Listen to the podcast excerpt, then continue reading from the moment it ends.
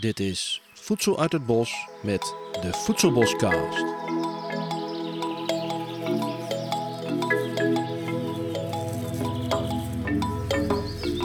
Dus eh, zit iedereen er eh, ontspannen bij? Ja. Ja.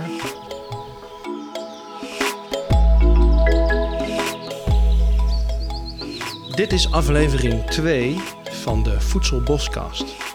Jouw tweewekelijkse update over alles wat te maken heeft met professionele voedselbossen en de pioniers die hiermee bezig zijn.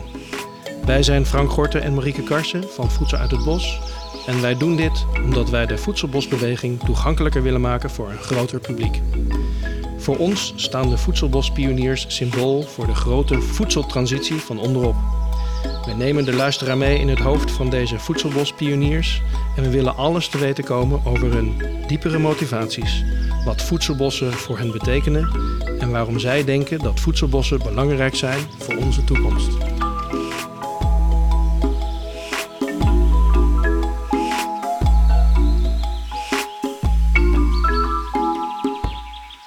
Dat is een forse mond vol. En eh, ja, we hebben er nou al een hele mooie pionier te pakken. Zeker. Ja, Deze week is iemand te gast bij ons die zichzelf introduceert op LinkedIn als een ontwerper van eerst noemt ze beplanting en daarna een landschap. ja, interessant. Ja, dat vind ik wel, ja. Terwijl ik dus eerst andersom zou denken. Ik zou denken, als ik aan, aan, aan haar denk... Hebben we de naam al genoemd? Nee, niet. Hè? Als, als ik aan haar denk, dan denk ik altijd aan landschapsarchitectuur. Dat is dat- ja, dat het gevoel dat, dat, dat, dat ze het, het grote, de grote lijn ziet. Nou, Maar- dat ziet zij denk ik ook. Ja, Want Ja. we hebben haar ook leren kennen als docent ja, hè, in onze training. ja. En als ontwerper Ja, in het eh, project met eh Welna toen. ja, zeker. Ja. Maar ook eh, om even terug te komen op de grote lijnen. Ik denk dat zij de grote lijnen wel ziet. Ja. En ook een van de grote ontwerpers is in Voedselbosland. Dus ja, ik ben heel nieuwsgierig. Zeker.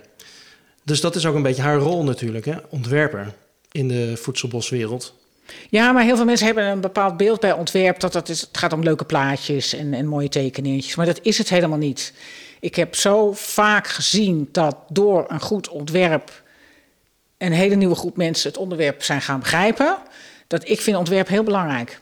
Eh, dat, is, dat is meer dan alleen een mooi plaatje of een eh, plantenlijst met bolletjes. Waar eh, ken jij haar het beste van? Van welk, eh, hetgene, wa- wat is hetgene wat zij Ja, het meest Schijndel. bekend om is?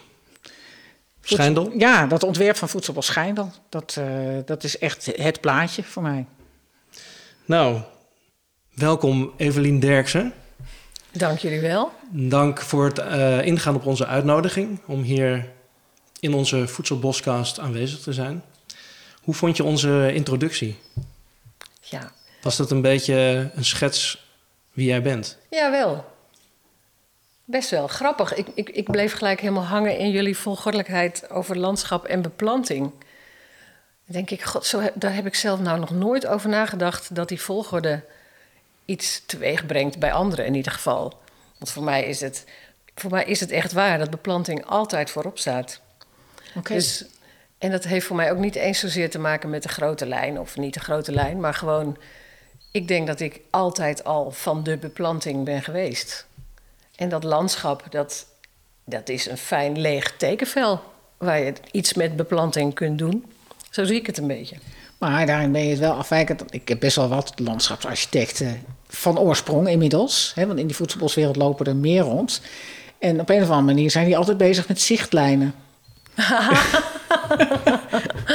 Ja, die zijn ook heel, heel mooi. Ja. De zichtlijnen zijn heel mooi. Nee, ik, ik zie het lands- landschap denk ik meer als dienstbaar eh, voor alles wat, er, ja, wat je ermee kunt doen. Want natuurlijk, als je ontwerper bent, dan, dan ben je natuurlijk de inkleurder hè, van het landschap. Of het nou, als je schilder bent, dan begin je op papier of een doek. En als je landschapsontwerper bent, dan, dan voelt het voor mij zo dat je de inkleurder bent van het landschap.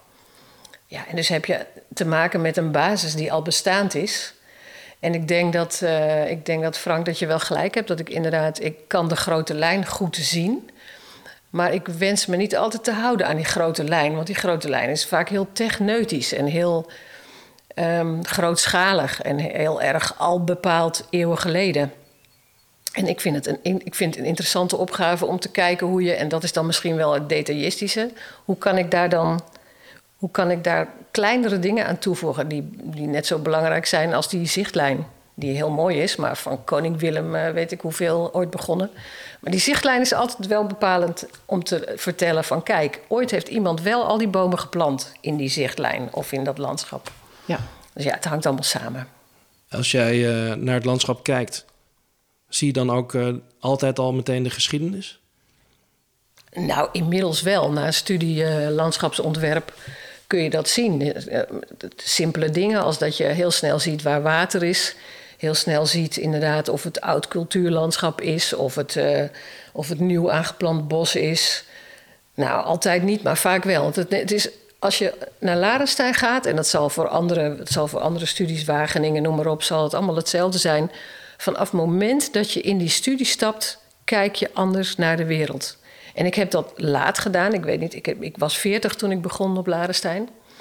Um, ja, dat als je dus studie landschapsarchitectuur gaat doen, dan kijk je vanaf dag één kijk je gewoon anders naar de wereld. En het is ook letterlijk zo dat, dat er een wereld voor je open gaat. Dat, je gewoon, dat, dat iedere boom, iedere plant betekenis heeft. En ik denk dat ik, wel, dat, ik dat wel als kind al. Uh, dat ik als kind daar al heel gevoelig voor ben geweest. Anders had het nooit zo aangepakt, hè? want dat is nee. natuurlijk.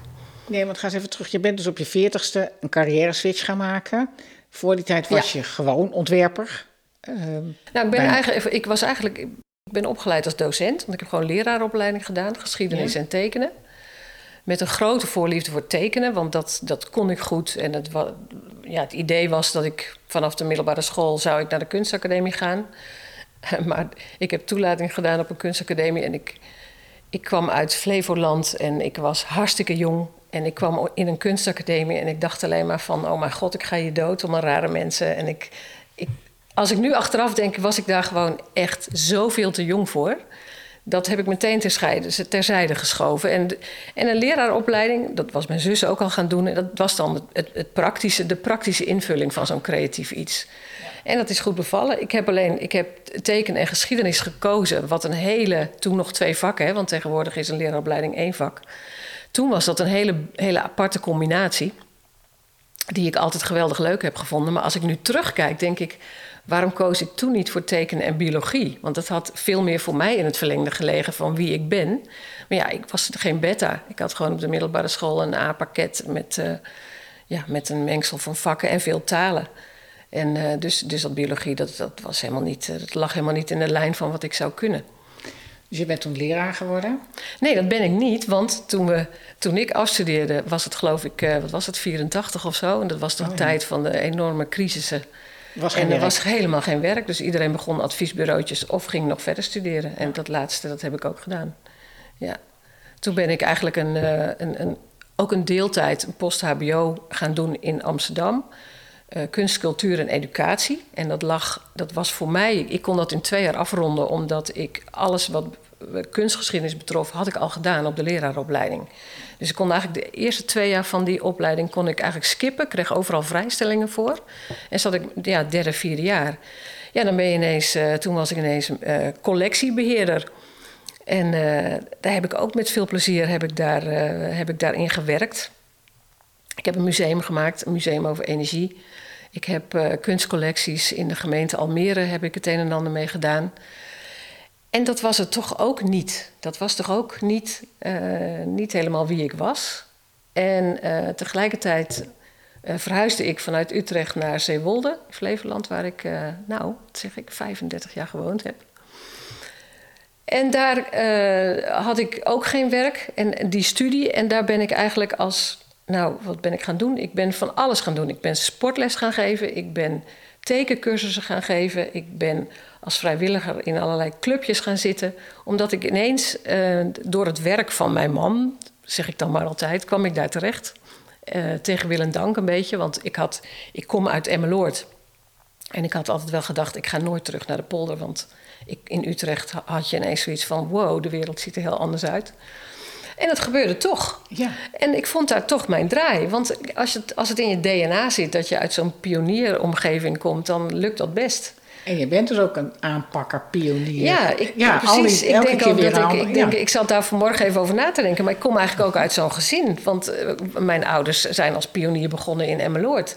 Ja. En het waren ook van die mensen die eigenlijk gewoon alles, eh, alles gingen doen. Mijn moeder zat altijd in besturen. Ik kom nog uit de tijd. Mijn moeder die, die stopte met werken toen ze haar eerste kind kreeg. Maar heeft dat ook niet lang volgehouden.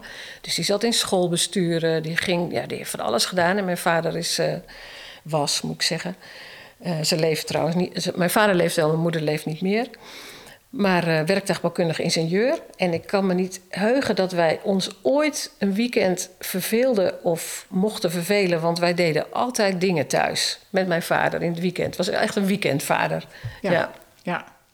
Wat eh, trekt jou meer, een eh, open landschap of een bos? Ik, ik vraag dat omdat jij bent opgegroeid natuurlijk in een compleet open landschap. Ja, ja en, ik, en ik ben hier in november ben ik hier in, in Oldenbroek beland.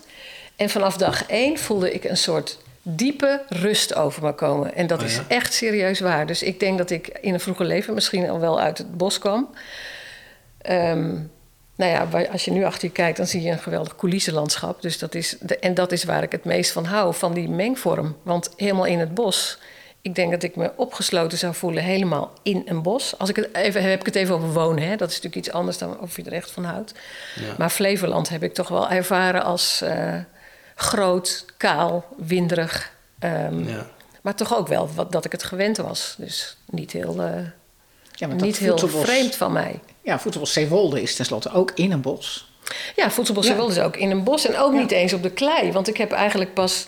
Voedselbos Zeewolde is mijn eerste voedselbos wat ik echt gemaakt heb, ontworpen en ook aangelegd heb. En alles wat, daar, wat erbij komt kijken ook gedaan heb.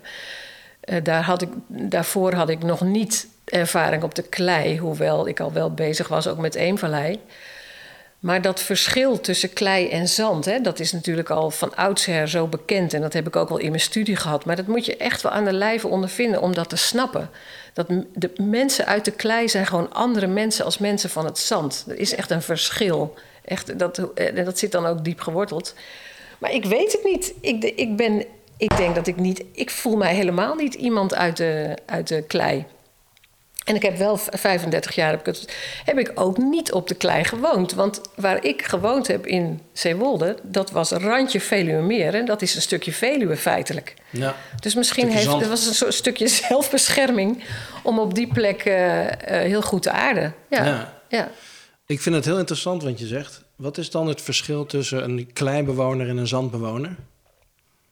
Nou, ten eerste zijn kleibewoners veel meer bikkels dan zandbewoners. Ze zijn veel hardere mensen. Ze zijn bonkiger en ze kunnen meer werk aan. Dat, vind ik, dat zie ik om me heen in het verschil tussen zeg maar, voedselbosprojecten op zand en op klei. Zie ik echt een verschil tussen mensen die van oorsprong uit gewend zijn op de klei te leven en te werken. Die pakken ook aan op de klei. Terwijl iemand van het zand die je in een kleivoedselbos zet, die is na drie keer scheppen moe. Ja. Want het is, gewoon, het is gewoon anders. Totaal anders. Ja. Interessant. En is er dan verschil nog tussen rivierklei uit de Betuwe en, en klei op Ja. Zeeland en in de polder? Ja, dat vind ik een leuke vraag, want dat denk ik wel. Dus zover Ja. heb ik hem nog nooit uitgeëxerceerd, maar dat, dat moet zeker zo zijn. Ja, dat, dat stromenland, dat geeft nog weer heel andere klei dan, eh, Ja.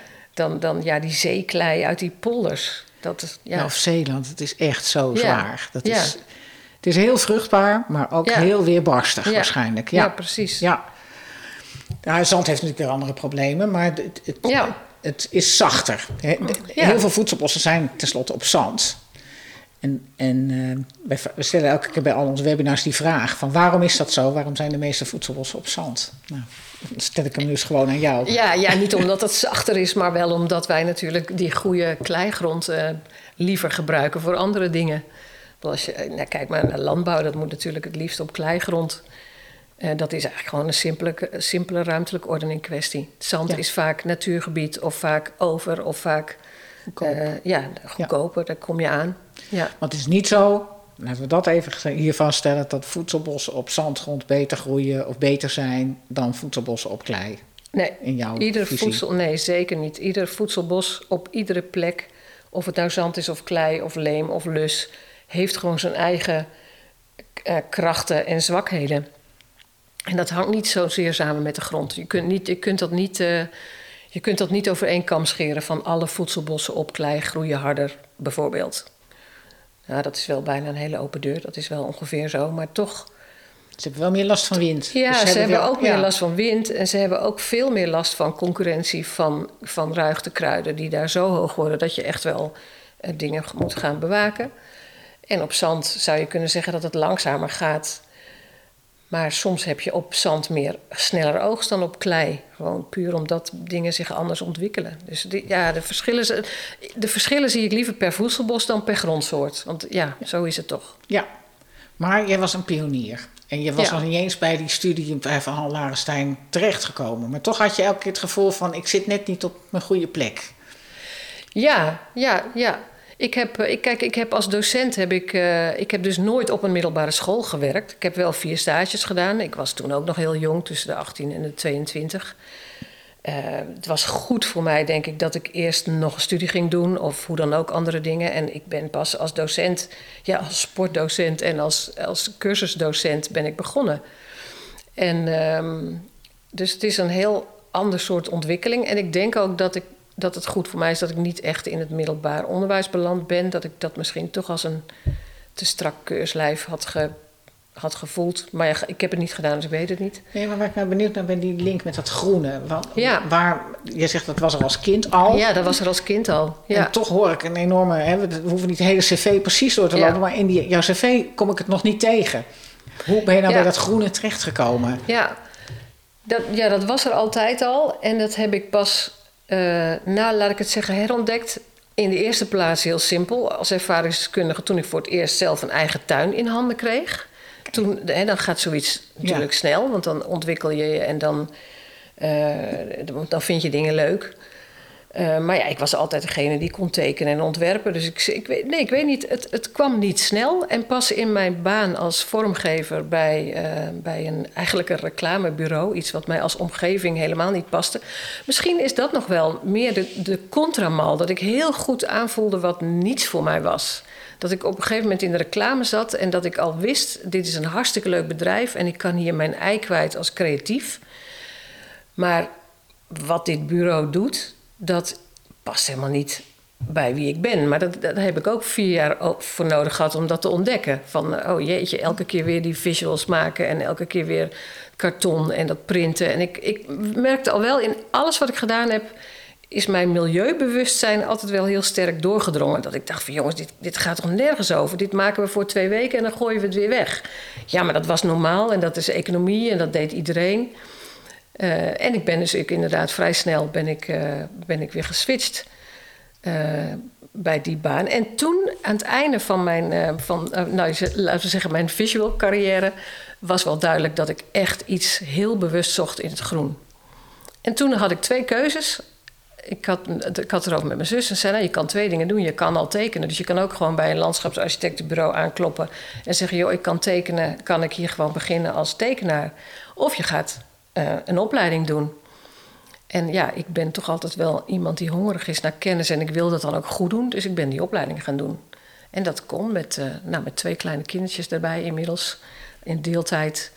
En dat heb ik ook snel gedaan, Larenstein.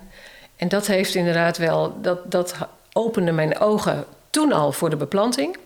En ik weet wel dat ik elk jaar altijd de beplantingsdocenten, dat ik daar altijd gesprekken mee had. Ik heb, wat kun je nou als baan doen in de beplanting, niet zijn de hovenier?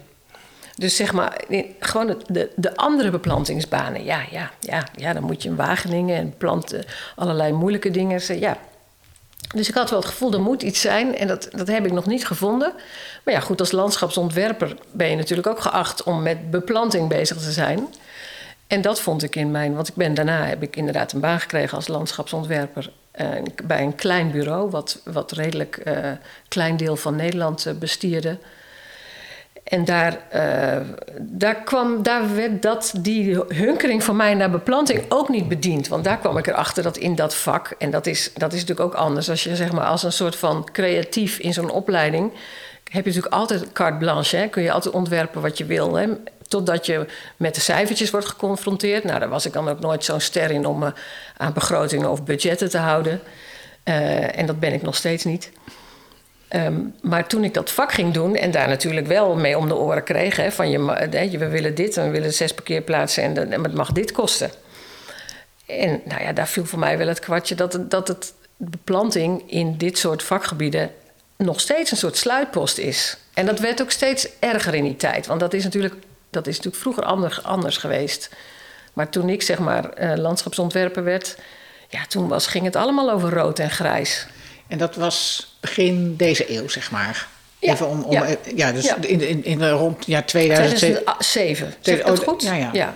Ik ben heel slecht in uh, en toen, terughalen toen, van Toen zagen architecten groen nog als een, als een blok. En uh, van een bepaalde kleur. Nou, architecten veel... gingen vooral veel bepalen voor ons. Want ja. dat was wel zo van... Ik, als ik nu terugkijk naar, naar de, de historie van landschapsarchitecten in Nederland... hadden die vroeger veel meer, uh, veel meer te zeggen. En werd, er, werd stedenbouw natuurlijk gepleegd vanuit groene structuren denken. Maar na, zeg maar, vanaf Phoenix is het anders gegaan. Hè? Toen moesten gewoon zoveel woningen op zoveel vierkante meter. En er werden geen groene lijnen uitgezet. Nee, er werden gewoon zoveel woningen ingepropt. En nou ja, vanaf die tijd kwam, werd groen inderdaad een sluitpost. En werden er kindlinten bedacht en speeltuintjes bedacht. En, maar als je ziet wat dat nou, in, in het formaat zetten... is totaal geen groene, geen, geen goede groene omgevingen.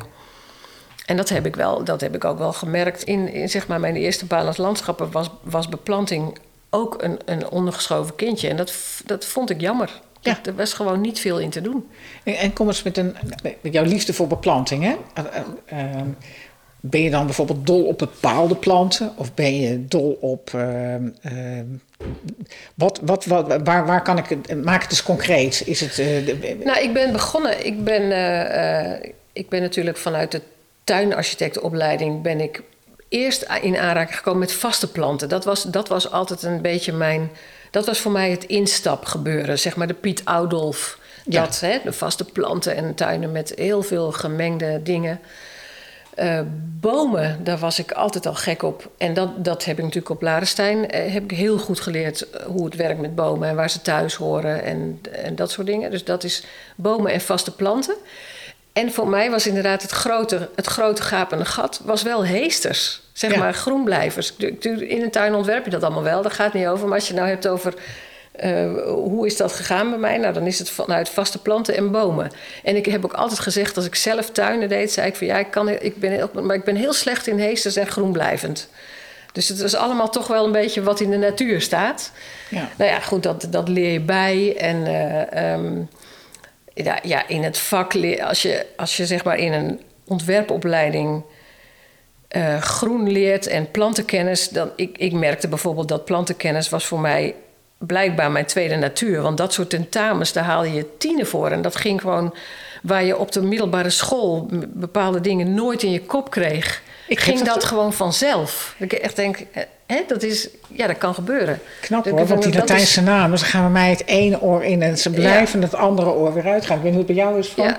Nou, wat mij heel erg opvalt, dat jij jezelf dus uh, geen beta noemt, maar wel hongerig naar kennis. Ja, ja. dus uh, blijkbaar zit er een, zowel een alfa als een beta kant aan jou. Ja, zeker, dat klopt. En dat, dat heb ik ook van huis meegekregen, inderdaad hoor. Dat klopt wel. Ik, ik wil dat niet zo zien, omdat ik het beta al heel gauw vertaal in, in rekenkundige capaciteiten of meer. Ook meer. Uh... Maar het kunnen onthouden van de Latijnse namen is ook wel behoorlijk nerdy. Ja, ja, maar ik voel het meer als dat daar, dat daar een diep gewortelde interesse zit en dat dat dus blijft hangen. Ja. heel veel dingen waar je niet echt in geïnteresseerd bent, blijven ook nooit hangen. Nee, dat dus is dat het. Is dan Anders was het het niet bij jou blijven hangen. Want het is niet zo makkelijk om het te laten hangen. Het is niet een natuurlijk makkelijk systeempje met die namen en die cultivars en die. Ja. Hopeloos vind ik het. Echt. Ik, ik, ben, ik ben ook een laadbloeier en dit stuk wil maar niet bij mij. Maar goed, dat ben ik. Bij jou nou ja, ik ben ook een nerd. Dus uh, ik, ik vind het leuk om dat uh, ja. door te nemen en dan te proberen te onthouden en zo. Ja. Op de wc.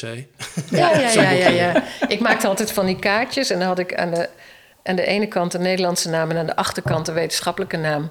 En dan een soort weglegspelletje, net zolang tot Ja. je ze allemaal wist. Nou, en dan hield wel, je ja. alleen de stapeltjes over van die je niet wist. En die moest je dan eindeloos herhalen. En op een gegeven moment zat het erin en dan deed je een tentamen. Maar de, ik, de- kijk, dat woordjes leren is natuurlijk een ding. Maar de planten gewoon herkennen.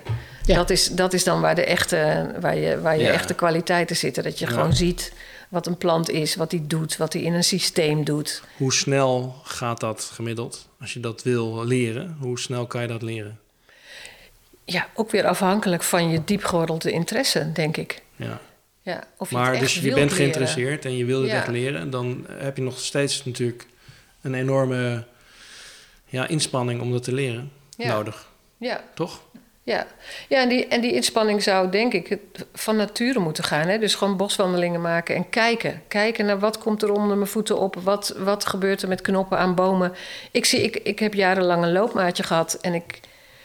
Nou, wij liepen altijd hetzelfde stuk. En ik heb haar de, onze hele loopcarrière aangewezen wat ik zag. En, en dat zag zij niet. En, wel, en dan door mijn ogen. En zij had weer kwaliteiten van dingen die ze mij vertelde of liet zien. En denk ik, ja, dat is waar mensen dan in verschillen. Dan denk ik, ja, als je je... Nou ja, hoe is het snel is bij mij gegaan in Larenstein? Ik denk dat ik in de eerste twee jaar... Ja, ik denk als je twee jaar met die materie bezig bent... dan kun je heel veel opsteken. Maar het helpt wel ook als het dichtbij is. Dus als je toegang hebt tot een, een gebied waar je dat kunt leren... of als je zelf een tuin hebt of een bos... Ja. en het kunt bijhouden. Want ja, Wanneer, eh, wanneer kwam bij jou het voedselstuk erbij? Ja, grappig. Zomaar, dat, dat was mijn vlucht vooruit.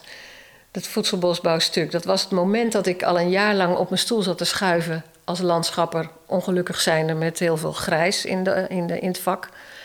Ehm, dat ik ook voornemens was om weer iets anders te gaan Je doen. bedoelt grijs? Grijs als in, in de stenen. Ja. Dus zeg maar, het vak bestaat uit grijs en groen en rood. Rood is bebouwing, grijs is alles wat onder onze voeten ligt. Waar we ons sneller door Nee. kunnen bewegen. Ik dacht even oude mensen. Ja. Nee, nee. Nee, en groen is, eh, groen is eh, alles waar ik van hou.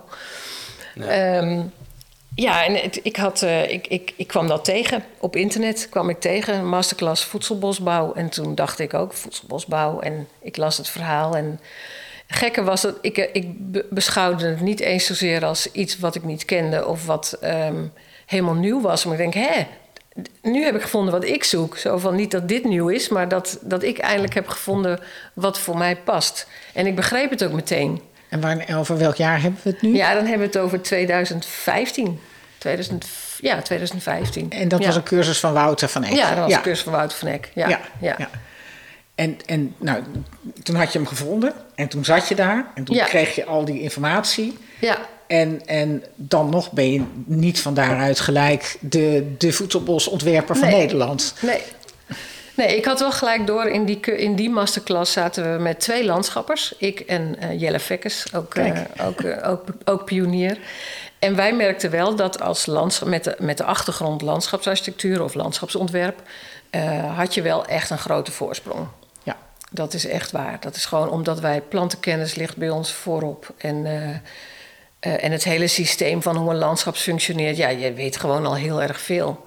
Dus, dat, eh, dus ik merkte dat ik daar hele, hele grote stappen kon maken. En dat inderdaad mensen die het, ja, die het deden uit bedrijfsmatig, nou dat was toen ook nog niet zoveel. hoor. Er waren, waren meer gewoon geïnteresseerden. En in de masterclass waren denk ik net nou, een kwart van de mensen die echt zelf toegang hadden tot grond en iets gingen maken. En zo deden we dan ook die, die masterclass. Want er waren een aantal mensen die brachten een project in en daar werkte je aan. Wat nu heel anders is, want volgens mij zijn de cursussen nu vol met allemaal mensen die allemaal. ehm, Bij ons zitten Ja. dan in zo'n groep van, van 15 mensen in die module ontwerp zitten er dan twee die niet zelf land hebben. ja, En die gaan dan meewerken aan een project van een ander. ja, Dat is ja. eh, de simpelste manier om het op te lossen. Want de eerste keer dat we die cursus toen zo gaven, toen dachten we nog, nou laten we iedereen aan hetzelfde ontwerp werken. Dat werkte helemaal niet. nee. Dan, eh, niemand had het gevoel dat, het echt, dat hij met het echte werk bezig was. En ze Nee. hadden allemaal eigen projecten toen. En toen Ja. zijn we daar ook gelijk mee gestopt. Ja, Ja. En toen werkte het veel beter. Want je leert dan ook heel veel van elkaar. En de een, Ja. Juist omdat je die ontwerpvraag op wat meer metaniveau erbij neemt. Hè? Van waarom wil je dit? Wat wil je met deze Ja. plek? De- de- al, die, al die vragen daarachter zijn weer heel anders. ja, Het is niet, echt niet zo dat er alleen maar ja, uh, strakke voed, productievoedselbossen worden gemaakt. Nee, nee, gelukkig niet. Nee. Want je maakt er wel een boel, uh, ja, denk ik zo. wel een boel. Ja, ja, ja. ja. ja, En, en, en zijn die, dan maak ik even een sprongetje, maar ik ben ook wel nieuwsgierig. Want het is altijd toch wel het idee van zo'n kamertje met, met oplopende zoom, Ja. dingen erin. Ja. Maar daar nog kan je nog heel veel variatie vinden in de beplanting? Of, of is dat toch ook wat saaiig aan het worden? Nou, dat, ik dacht drie jaar geleden dat dat in no time helemaal niet meer leuk zou worden om te doen. Omdat we het Ja. wel op de plank hadden liggen. Ja, En dat is niet zo. Om heel veel verschillende redenen is dat niet zo. Maar dat is. En het is ook niet zo dat het daarom niet saai wordt, want dat wordt het wel. Maar dat heeft niet te maken met de schaal en de rijen, maar dat heeft meer te maken met de. ehm, ja, dat het. Kijk, tot vijf hectare kan je, dat, kan je aardig aan de gang met beplanting. En in die oplopende zomer heel gevarieerd eh, een voedselbos in elkaar puzzelen. Maar als je 20 of 30 of 50 hectare moet vullen, dan ga je eigenlijk alleen maar meer van dezelfde puzzeltjes neerleggen in verschillende, eh, verschillende vormen. En dan zijn we natuurlijk met die grootschalige voedselbosbouw in de, echt in de pionierfase. Dus er moet nog zoveel ontdekt, ontwikkeld, geleerd, overnieuw gedaan. Noem het allemaal maar op. En dat is verschrikkelijk interessant om bij te zijn en om mee te maken. Maar het is ook wel doodvermoeiend hoor. Ja 50 hectare, dat is nieuw voor mij. Worden er nu al voedselbossen aangelegd van 40, 50 hectare in de- Nederland? de- de- nee, gelukkig niet. Maar de aanvragen zijn er wel. Want de, de, de laatste aanvragen, of in januari heb ik iemand aan de telefoon gehad. Die had 90 hectare ter beschikking in eh, Noord-Friesland of Noord-Groningen, weet ik even afwezen. Eh, dus ja, er wordt steeds groter gedacht. En het gaat steeds harder. En dat is er niet meteen. Hè? Dat, sowieso Nee. niet, vergunning technisch niet. En ook niet omdat iemand dan na het verhaal goed eh, gelezen te hebben... toch misschien op zijn achterhoofd krapte. Nou, misschien maar niet 90 hectare meteen. Nee, maar de, opschaling is er. Ja. Ja, absoluut. Ja. ja. Nou, dit kunnen we wel even ook een heel mooi sprongetje maken naar onze nieuwsgierigheid naar de toekomst van voedselbossen. Hoe zie jij dat? Hoe, hoe, Ja. hoe eh, verandert ons verhouding met het landschap? En als we naar de toekomst kijken, 2030, 40, 50, 2100, wat gaan voedselbossen voor ons betekenen? Wat is de toekomst van de voedselbosbouw? Ja, ik vind hem ingewikkeld. En dat is omdat ik. Ik zie natuurlijk alle schalen. Ik zie de allerkleinste schalen en ik zie de allergrootste schaal. En ergens in het midden is waar we nu zijn. En dan bedoel ik dat we. Dat is wat we aankunnen als mensen die dit bedacht hebben en eh, zien hoe dit werkt en alle gevolgen van dien.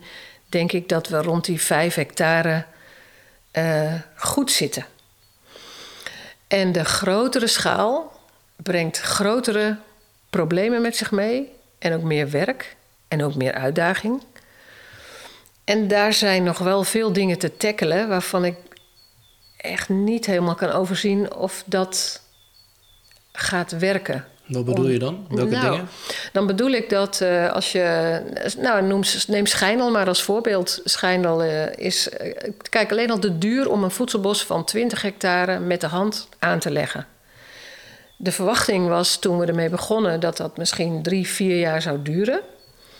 Ehm, maar dat gaan we helemaal niet redden. En dan heeft dat niet alleen te maken met dat je... Kijk, je zou het uit de grond kunnen stampen... want je zou het ook wel machinaal kunnen aanplanten.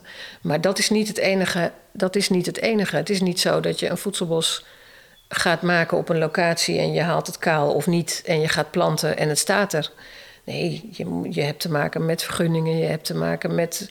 Nou ja, er moet zoveel gebeuren om zo'n groot voedselbos op touw te zetten. En dan komen er natuurlijk nu, omdat het een pioniervak is, ook nog allerlei dingen bij. Als dat er partijen onderzoek willen doen. eh, dat er al heel snel eh, belangstelling is om rondgeleid te worden, terwijl er nog niks is. En niks is dan het een beetje overdreven, maar het is in ieder geval nog niet eh, eh, bezoekers, bezoekersvriendelijk en bezoekerswaardig. Nou ja, zo, en, en, de, de, de, de, de problemen in de zin van ehm, nou ja, het luie boeren. Hè. We hebben natuurlijk allemaal geleerd dat, dat voedselbosbouw is lui boeren.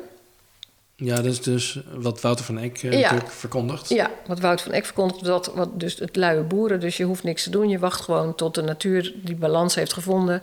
En dan eh, gaat het goed. Maar ja, ik, dat is op Ketelbroek leuk gelukt. En dat is natuurlijk ook een kleine schaal voedselbos, want dat is ook maar 2 hectare. En in de grote schaal, wat ik net zei over dat ieder voedselbos een apart ja, anders is. Hè? Dat je dus niet kan uitgaan op klei doen we dit en op zand doen we dat. Nee, ieder voedselbos brengt zijn eigen uitdagingen mee. Ja. Dus, en, en dat zie ik ook. Dat zie ik ook. Ik zie, kijk, Almere Eemverlei gaat het zo verschrikkelijk hard met de pioniers. Uh, dat je, de, dat je de, de, de, wat wij aangeplant hebben, dat verdwijnt eerst onder een hele hoge laag distels. En dat is voor het voedselbossysteem prima en daar kunnen wij ook mee leven. Maar de buurt vindt dat heel ellendig en heel verschrikkelijk. Want die mensen krijgen allemaal ook die distels in de tuin. Dus er is weerstand van buitenaf. Nou, dat verhaal kun je nog uitleggen. Maar dan gaan er natuurlijk ook wel dingen dood die toch meer licht nodig hebben dan je zou denken. Um, dan hebben we daar bijvoorbeeld ook uh, reeëndruk. Kijk, het is te groot om een hek omheen te zetten. En dat was ook natuurlijk een beetje niet van de voedselbossen hè, om met hekken te gaan werken. En, uh, dat, dat, en, en ook de kosten, hè, want het kost toch een hectare om, omheinen, dat kost toch 10.000 euro. En dat wordt natuurlijk zo niet meebegroot. Dus de, de wildruk is daar groot, maar de wildruk is bijvoorbeeld op de Veluwe ook heel groot. Dat zul jij weten van wel, nou dan heb je weer andere, andere beesten. Maar um, dus waar, de, waar bosbouwers al een jaar of vier, vijf geleden zeiden van nou ja, bos, natuurlijke bosverjonging in Nederland, dat is niet zo makkelijk. En wij doen het eigenlijk met die voedselbosbouw wel. En bij de gratie dat we zo gevarieerd aanplanten en zo'n grote biodiversiteit aandragen, lukt er heel veel. Maar of, het, of we over 10 tot 12 jaar goed producerende grote schaal voedselbossen hebben, dat vind ik nog echt een spannende. Ja. En dat probleem heb je minder op het moment dat een voedselbos 4 à 5 hectare is. Dan kan je dat nog beter overzien denk jij, dan bij die hele grote? Afhankelijk van de problemen die je tegenkomt. Hè? Want ik kijk, Voedselbos Zeewolde is één hectare met een, met een tiental enthousiaste vrijwilligers. Nou ja, als ik nu kijk, we hebben daar, we hebben daar de, de, de, het bos gerooid en uh, ook gecrunched. Dus we hebben ook oppervlakkig de grond overhoop gehaald, alvorens ja. de planten. Voor planten was dat fijn, want we konden daar dan makkelijk planten. Maar we hebben ook de aanwezige stammen bramen hebben we allemaal in stukjes geknipt. Dus bramen is daar echt een probleem. En als ik nu zie dat we daar met tien vrijwilligers elk jaar toch wel zo'n dag of vier, vijf nodig hebben om alle bramen eruit te halen. En dan is dat nog op een fantastisch fijne plek in het zonnetje, in de weekendjes, twee uurtjes, soms drie uurtjes. En één hectare. En één hectare. En niet 17. Nee, vermenigvuldig dat maar eens ja, met ja, 20. Hè? Ja. En dan hoeft dat natuurlijk niet. Kijk, als je 20 hectare hebt, dan, wil, dan zal het nooit zo zijn dat er op 20 hectare allemaal bramen groeit. Hè, want dan zijn dat natuurlijk van die bulten die, die op een gegeven moment niet meer beheersbaar zijn. En dat heb je dan een aantal keer in het landschap. En die, daarvan kun je zeggen, nou die laten we en dat gedogen we. En we, we zorgen dat het daar blijft. Ja. En je kan je gaan bestrijden. Dan ben je toch wel een hele tijd een stuk van, dat grond, van die grond kwijt. Nou ja, ik zie zo allemaal van die, van, die, van die dingen ontstaan dat ik denk van ik weet niet, ik weet niet of dit houdbaar is in dat luwe beheer, in die luwe beheergedachte. Ook zoiets met uitzaaien van, uh, van pioniers. Hè. Je kunt overal natuurlijk els aanplanten en het start de boel geweldig op. Maar ik heb ook wel, ken ook plekken waar de elzen het dan toch over gaan nemen en als haren op een hond zich uitzaaien. En dat kun je ook niet laten gaan, want dan groeit jouw appelboom daar echt niet tussen. Nee, nee. Dus ja, um, wat is de toekomst van de, even terug, de vraag, wat is de toekomst van de voedselbosbouw in een grote schaal? Ik hoop met heel mijn hart dat het lukt en dat we over tien jaar kunnen terugkijken op een succesvolle start en dat we, dat we inderdaad van mij een paar duizend hectare of meer voedselbossen hebben die beginnen te werken. Maar we moeten, we moeten echt rekening houden met die lange termijn. Het is niet dat we over drie jaar of vijf jaar of zelfs zeven jaar is succes lang, hebben. Het gaat langer duren. Het, is, het lijkt meer op bosbouw dan we zouden willen. Het lijkt meer op bosbouw dan op landbouw. Ja. De snelle successen zijn er niet. Die zijn er wel in de kleine voedselbossen, omdat je die gewoon, die volg je beter. En die, ja, na drie jaar heb je ineens oogst van dit en dan het jaar erop ineens oogst van dat.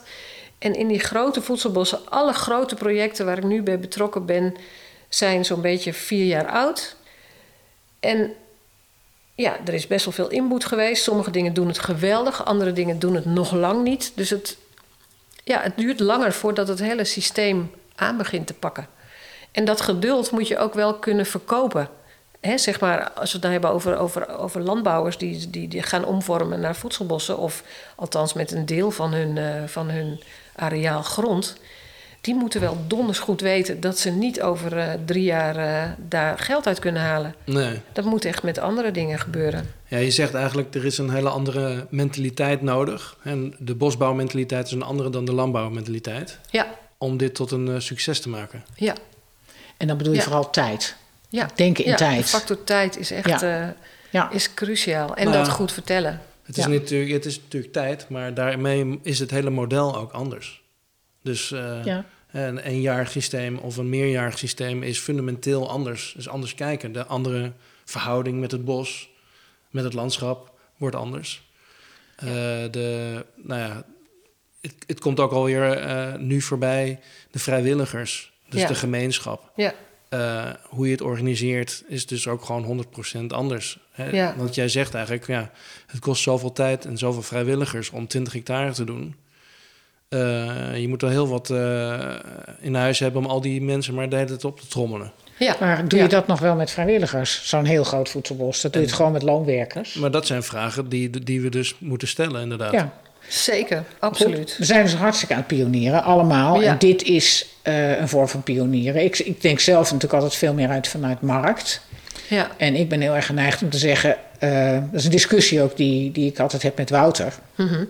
Eh, Wouter van Eck zegt, we moeten naar die hele grote, grootschalige voedselbossen.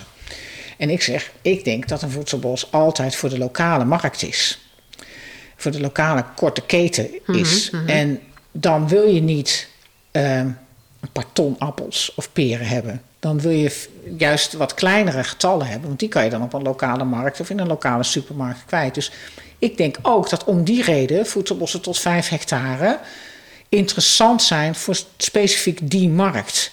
En of een voedselbos ooit geschikt zal worden voor een lange keten, is voor mij ook een grote vraag. Ja.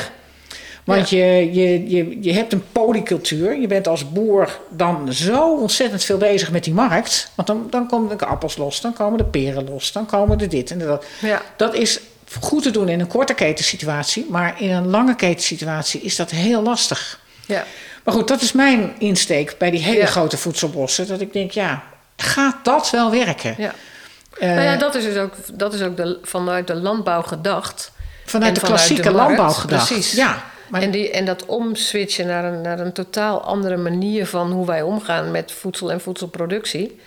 ehm, ja, die, die lijkt me lastig in het huidige tijdgevricht. Omdat je, ik merk nu al dat alles steeds sneller moet gaan in die voedselbossen. Gewoon aan de, zeg maar waar je, nou, als ik eerlijk ben, dan hebben we. Als ik even kijk naar de belletjes zo die ik gehad heb, hè, van, nou, dat er eerst vooral mensen belden met een grote passie voor de natuur, die, dat, die de gedachte voedselbos omarmen en daar dus iets mee willen. En nu merk ik dat er wel mensen bellen die vooral bellen van... oh ja, dat, jullie hebben zo'n programma en wat is de subsidie en wat, eh, wat kan er? Hè? Mijn vader heeft 18 hectare en daar moeten we iets mee. En we dachten aan een voedselbos, want dat levert dan wat op. Ja. Dus ja, ja, denk ik, oh ja, ja, ja, nu krijgen we dat. Ja, Mhm. dat vind ik ook spannend. Zijn eh, voedselbossen daar geschikt voor?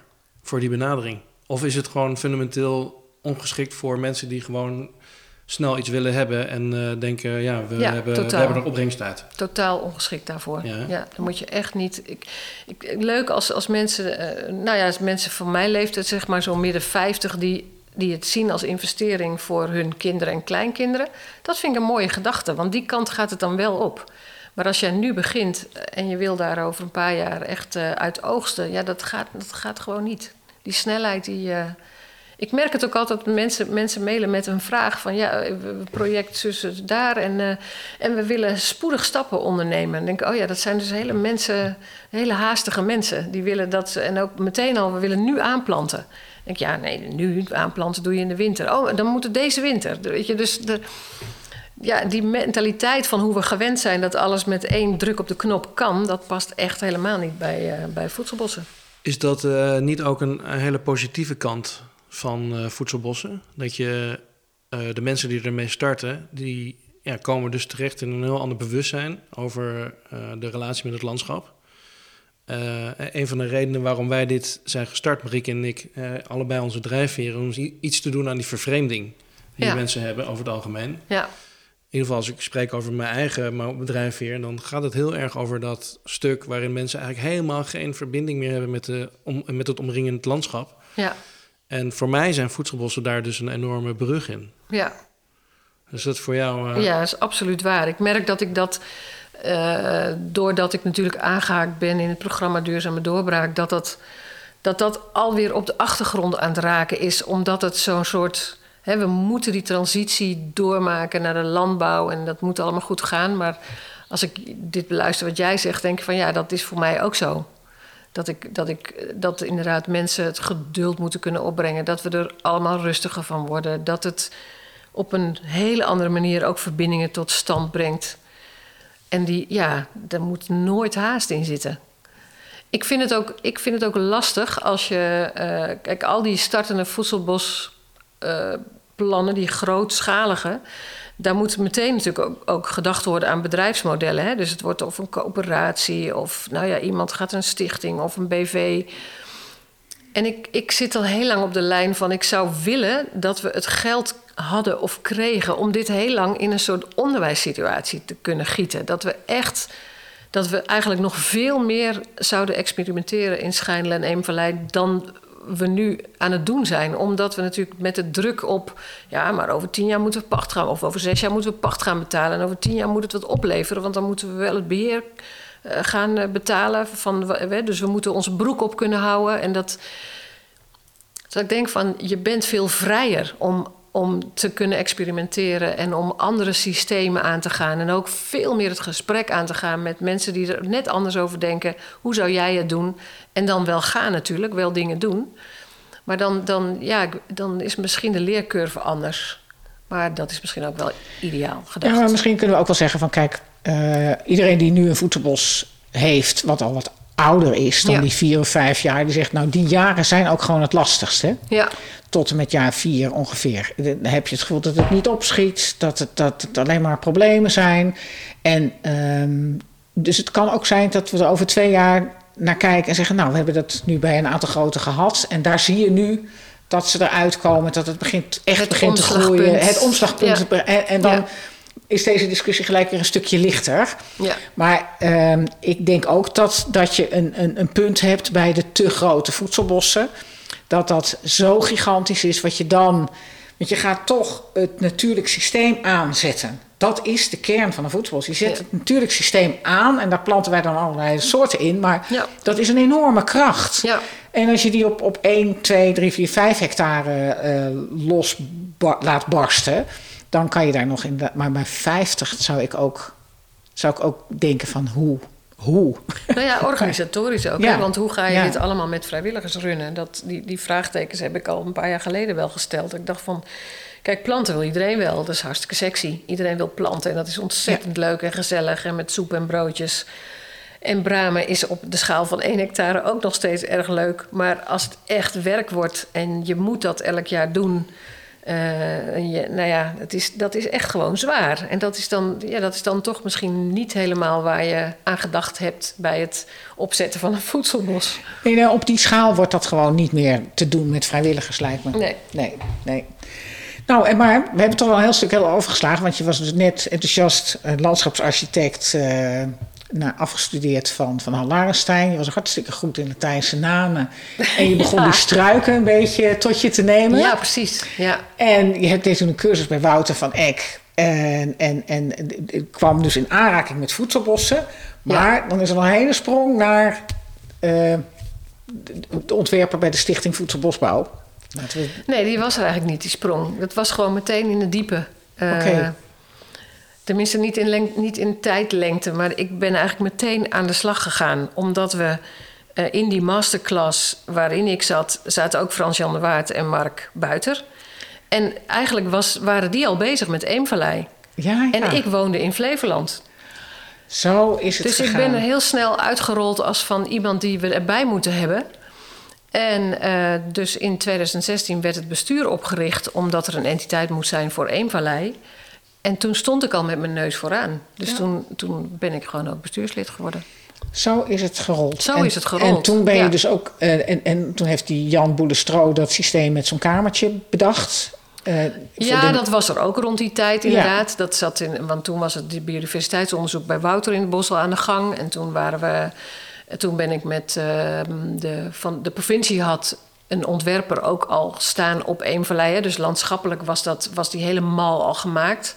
Daar heb ik ook trouwens nog wel wat aan meegeholpen. Want er moest toch nog heel wat veranderd worden hoor. Omdat de gronden van verschillende partijen waren. Dus het aanlooptraject was daar heel lang. En ook sowieso de, de aanloop, het aanlooptraject met de partners was heel lang. En ik was wel gewend ook om te werken met mensen van Staatsbosbeheer. En, dus ik heb ja, eigenlijk vanaf het begin af aan om tafel gezeten met al die partijen. Met ons kleine, om, onze kleine Gideonsbende, die ook maar gewoon begon. Ja. Met waar we allemaal goed in waren. Maar dat is ook een beetje uit de klauwen gelopen. zeg. Ja, ja, want ja. wat, Kun als je je nou die wel, eh, stichting... hè, je visie op de sp- voedselbossen. Hoe groot is die stichting Voedselbosbouw inmiddels? Nou ja, de stichting is nog steeds maar zes, zes bestuursleden. Maar we zijn natuurlijk geen stichting meer. We zijn in feite een, een organisatie die een, die een groot bedrijf aan het runnen is. Ja. En dat kan eigenlijk niet. En daar gaat ook allemaal verandering in komen. Maar er werken inmiddels twintig mensen eh, in naam van de stichting aan allerlei projecten. Ja, Ja, dat is een heleboel. Allemaal freelancers. Die, eh, ja allemaal freelancers. Ja. en, en daar zit ook een groepje ontwerpers bij, neem ik aan. Ja. En, want dat is ook zo'n... Wat wel interessant is om nog even, want we moeten toch echt naar een eind breien. Is ontwerpen van voedselbossen in jouw visie een vak? Waar, waar je jezelf voor kan opleiden, waar je geld in kan gaan verdienen? Of denk je dat het een tijdelijke fase is? Ehm, dat vind ik een interessante gedachte. Want ik ben zelf nu bezig met te bedenken van waar, eh, waar ligt als ontwerper nou de kracht dat je voedselbossen kunt ontwerpen. En ik heb nou ja, de grote schaal, hè, waar we al mee begonnen in dit gesprek. Van, li- eh, eh, nou ja, op een gegeven moment denk je, het ligt op de plank, hè, die rijtjes, hè, die, die, Ja, die, die ja. hectaretjes. ja, Maar zo is het niet. Dus het vak van landschapsontwerper blijft heel belangrijk. Want ieder voedselbos is maatwerk. En je moet echt kennis hebben om, om dat landschap te kunnen lezen. En dan de goede dingen te doen. En dat zijn vaak nuanceverschillen. Is het een apart vak? Het is een multidiscipline waar... Ja, in die zin is het wel een apart vak. Maar ook weer niet... Het is niet één vak. Er zijn natuurlijk tegenwoordig heel veel nieuwe beroepen die bestaan uit de disciplines van allerlei werkvelden. En dat is met de voedselbosbouw ook een beetje. Het is zo multidisciplinair, want je moet plantenkennis hebben, je moet marktkennis hebben, je moet ondernemingszin hebben, je moet ehm, eh, landschappelijke kennis hebben. Dus ook als ontwerper en aan de basis staan van een voedselbos, moet je eigenlijk ook van al die markten wel een beetje thuis zijn om, om die sprong voorwaarts te kunnen bedenken. Ja, maar je moet ook heel specifiek, denk ik, in tijd leren denken, in Ja. wijkers en blijvers denken, in opbouw van bodemleven. Dus je moet inderdaad. Dus wij zien in onze cursus gewoon een aantal mensen die zeggen: ja, ik wil vooral hè, dat werk gaan doen. Ja. En, en wij horen deze discussie toch ook wel. Dat mensen zeggen, ja, maar dat is helemaal geen vak. Ik bedoel, je, iedereen gaat gewoon zijn eigen voedselbos maken. De, de, de, hè, de Ja. productievoedselbosbouw, dat is een vak. En, eh, maar ja, ik zie toch ook wel steeds meer mensen... Nou, je kan Ja. die vraag ook eh, zo stellen. Ehm, voedselbossen hebben een ecologische fundering. Mhm. En dat ecologische fundament is niet zomaar ontworpen, denk ik. Nee. Dus je kan niet zomaar alles een, een voedselbos noemen. Dus iedereen die een voedselbos start, Ja, is niet meteen bezig met een ecologisch gezond systeem, denk ik. Nee. En dat is toch wel ook het belang van voedselbossen. Ja, dat is ook. Dat, dat is, ik heb ook wel eens met Wouter erover gehad. Want ik ben natuurlijk min of meer opgeleid door Wouter. En ik, ik had het wel eens met hem over van wat zou ik nou nog. Wat zou ik nou nog erbij moeten leren om zeg maar dit helemaal goed te kunnen? Dat is ook een beetje mijn ding. Dat ik, dat ik denk dat ik het altijd nog beter moet kunnen. En toen hadden we het over ecologie. En dat heb ik natuurlijk ook wel aangeraakt op Larenstein. Maar als deeltijder heb je een twee modules ecologie of zo. Dus dat is vrij weinig. Ehm, dus daar zit, wel, eh, daar zit wel een zware poot. Maar als, ja, als ecologen kunnen ook geen voedselbos ontwerpen. Want dan zeg ik, dan is het toch wel meer tuin. Dus het is echt een kruisbestuiving van heel veel disciplines. En is dat misschien waarom jij ook eigenlijk zei... we moeten het veel meer als een onderwijs, als een leerproject zien... als In plaats van als een verdienmodel, zo'n voedselbos. Nou ja, liever wel, om de, liever wel om niet meteen in die mal gedrukt te worden dat er geld verdiend moet worden. Want ik merk dat, en dat merk ik misschien wel het meest bij mijzelf, dat je toch de neiging krijgt om je oren een beetje meer te laten hangen naar de landbouw. Dus eigenlijk al, al meer, zeg maar, kruis agroforestry modellen te gaan willen ontwikkelen om maar, om maar om het geschikter te maken of zo. Hè? Of makkelijker of efficiënter. Uh, of efficiënter, precies. En dan ga je alweer. Hè? Dus dat is eigenlijk wat je van binnenuit niet wil, maar waar ik wel denk van, nou ja. Als heel half, half Nederland onder de voedselbossen moet, dan, dan moet het wel meer op de manier waarop we werkelijk voedsel kunnen produceren. Dus dat, dat, dat is dat evenwicht. Dat is denk ik, dat is echt, dat is echt, daar gaat het uiteindelijk om. Hè? Van ben je nou meer natuur aan het maken? En ben, of ben je, ga je echt in die voedselproducten? Ik ben ook, merk ik, in de kleine schaal al gauw een beetje opgelucht als mensen zeggen van ja, we hebben niet per se een, een, een, doelstelling om nou heel veel voedsel te produceren. We willen vooral de biodiversiteit aanjagen. Dan vind ik het in één keer een stuk makkelijker worden. Oh ja? Ja, want Ja. dan heb je, kijk, dan ben je bezig, dan moet je voorwaarden gaan scheppen. En, en dan, ja, dan, dan gebeurt het wel vanzelf. Terwijl ik het gevoel, als je op die, op die voedselproductie zit en je met cultivars en rassen, dan, dan ben je veel meer aan het dwingen van je, je kiest dat ras, maar je kiest het wel omdat die het goed moet doen. Dus dan is de verwachting weer hoger. En als het dan niet lukt, dan heb je te veel geld uitgegeven. Nou ja. Dus dat, ja, graag in het onderwijs houden. Want dan mogen we experimenteren met soorten, met rassen, met maten. Dat is ook zo'n ding. Hoe klein moet het nou? Eerst was het nou tussen kniehoogte en schouderhoogte. Ik zeg nou, doe maar tussen heup en schouderhoogte. Planmateriaal, Oh, hè, ja, waar je ja, mee begint. ja, Ja. Want ik zie toch wel echt veel klein plantmateriaal. Verzuipen het in niet het over, gas. Ja, het niet overleven. Ja. Ja, dat is een discussie die ik breder hoor. Dat, hè, dat, dat we die eerste jaren best wel wat meer mogen helpen. ja, Ja, ja, alleen al vanwege de kostbaarheid en de schaarste van het plantgoed. ja. Dat, maar dat zeg jij dus ook.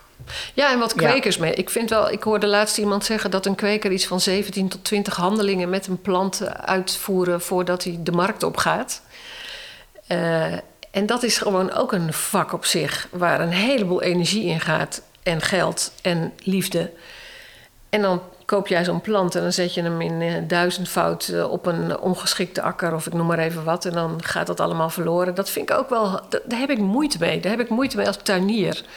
Dat ik dan denk van jee, als we nou toch in die eerste drie jaar nou net iets anders zouden doen, waardoor de overlevingskansen van die goed gekweekte planten iets beter waren, dan, eh, Ja. ja. dan deed dat minder pijn of zo. Nou, daarin zijn we denk ik ook met z'n allen aan het pionieren. Ja, Dus dat is ook dat stuk schaal waar we op zich ook mee moeten Ja. pionieren. En Ja. misschien komen we straks er wel op uit van...